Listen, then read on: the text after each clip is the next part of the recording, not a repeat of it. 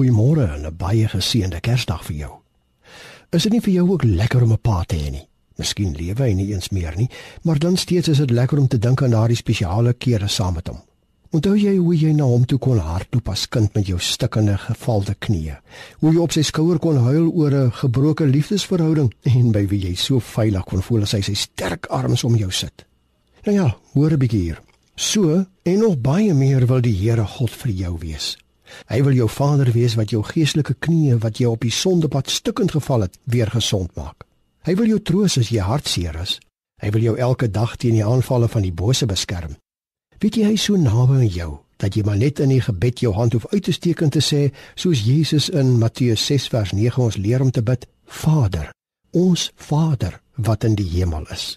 Dan gryp hy daardie uitgestrekte hand van jou vas En weet jy te midde van al die biljoene mense op aarde, sê Jesaja 43 vers 1, ken hierdie Vader al sy kinders, ook vir jou, ook op hierdie dag, op Kersdag.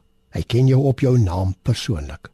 Miskien dink jy nou daar vir jouself, jy weet darm nie of dit moontlik kan wees nie, dat jy vir God Vader kan sê, want jy is mos nie sy kind nie. Jou pa se naam is Piet of Koos, nie God nie.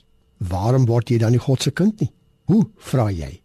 Deur te doen wat Johannes 1 vers 12 sê, vir Jesus aan te neem as jou Here, om eintlik in jou lewe in te nooi, saam met jou te laat Kersdag vier vandag. Want dan volgens die Bybel is jy 'n kind van God en kan jy vir hom sê Vader. En dan kry jy sommer baie broers en susters by sodat jy regtig kan bid soos Jesus jou hier leer, ons Vader wat in die hemel is.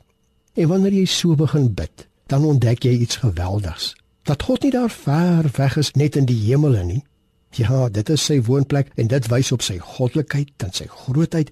Maar jy ontdek dat hierdie groot God van die hemel hier by jou in jou kamer is, op die sportveld, saam met jou en jou geliefde as jy hulle vandag Kersfees vier.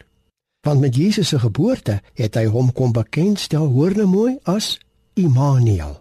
En dit beteken God is hier by ons, by jou. Daarom kan jy tot hierdie God bid en weet dat hy nie te ver weg is om jou te hoor nie.